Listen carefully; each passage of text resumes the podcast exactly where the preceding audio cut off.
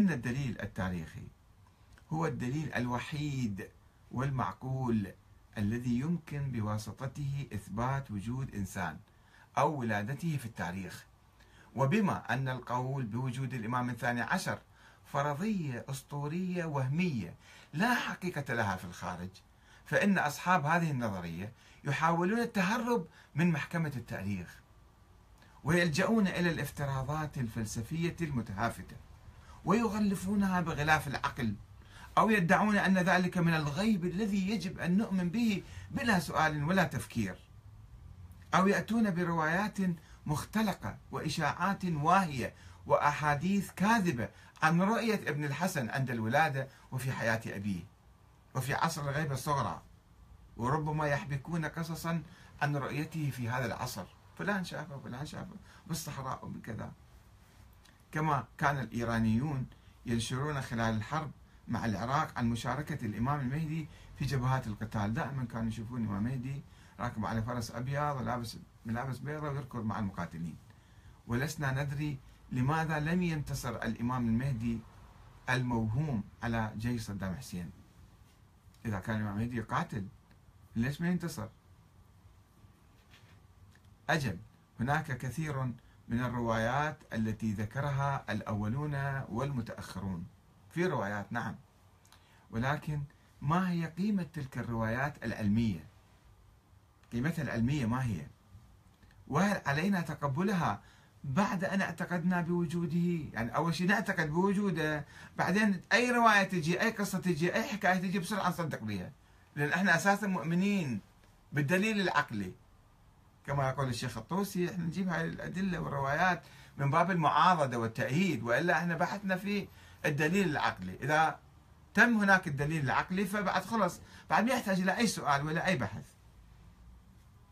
أم علينا أن نحقق فيها وندرسها بدقة لنتأكد فيما إذا كانت هذه الروايات حقيقية أم أسطورية ومختلقة؟ أن من المفروض برجال الدين الحقيقيين الربانيين اللي يخافون الله أن يبادروا للكشف عن الحقائق وتقديمها إلى الناس وليس من مهمتهم تسويق الخرافات والأساطير باسم الدين. يقول الكاتب التابع لمكتب السيستاني في كتابه المهدي المنتظر في الفكر الإسلامي الصادر عن مكتب السيستاني أن ولادة أي إنسان في هذا الوجود تثبت بإقرار أبيه وشهادة القابلة وإن لم يره أحد قط غيرهما.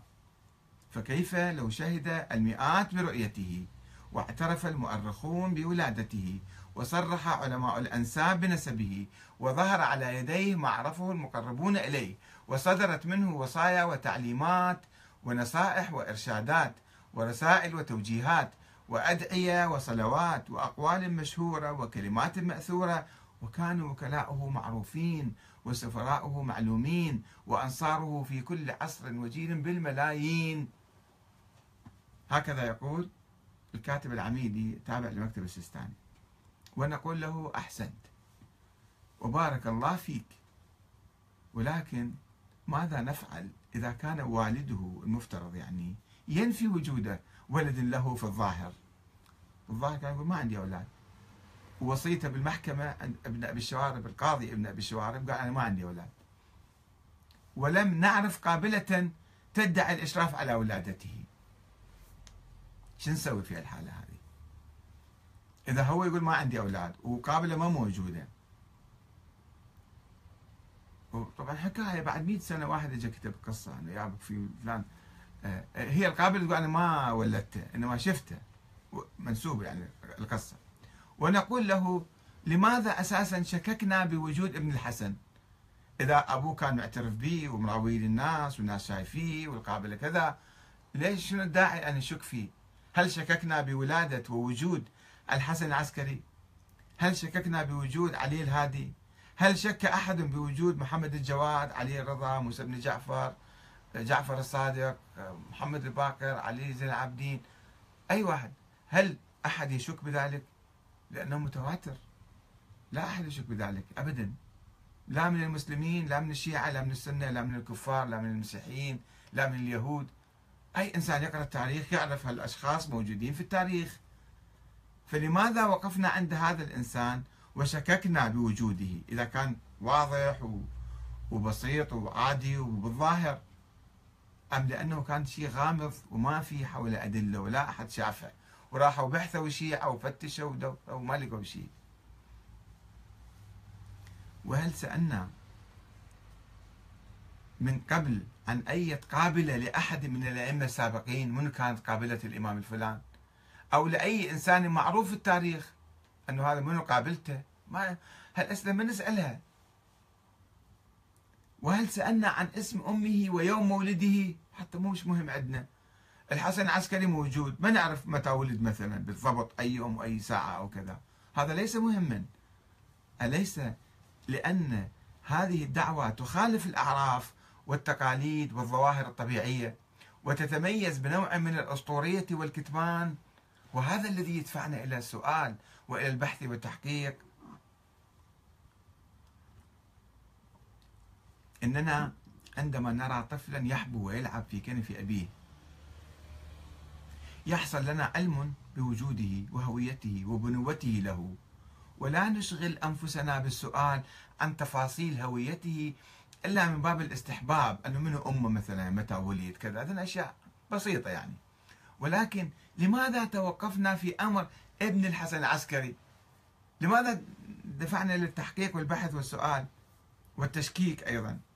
الجواب لأننا لم نرى له أثرا ولأن لأنه نفى وجود ولد له في حياته الإمام العسكري وأوصى بأمواله إلى أمه أمه هو اسم الحديث ولم يشر إلى وجود إمام من بعده. وهذا ما أيده أهل البيت كأخ الإمام العسكري جعفر بن علي الهادي. وأن السلطان استبرأ جارية ادعت الحمل. جارية من الجواري قالت أنا حامل. طيب انتظرون تجيها آه، عادة شهرية يشوفون هذا حامل ولا مو حامل يسموه استبراء. استبرأها آه، استبرأ جارية ادعت الحمل فلم يظهر عليها شيء وهذا ما أدى إلى تفرق شيعة الإمام العسكري حسب ما يقول المؤرخون الإماميون الاثنى عشريون إلى أربع عشرة فرقة. كلها قالت بعدم وجود ولد للإمام العسكري. ما عدا فرقة واحدة هي الاثنى عشرية التي استندت في قولها على بعض أدعياء النيابة الخاصة الذين بلغوا حوالي 20 مدعيا أو 24 واحد. كان كل منهم يكذب الآخر. يعني المجموعة اللي كانت حول الإمام العسكري مجموعة منهم مو كلهم يعني بني فضال لم يقولوا ذلك.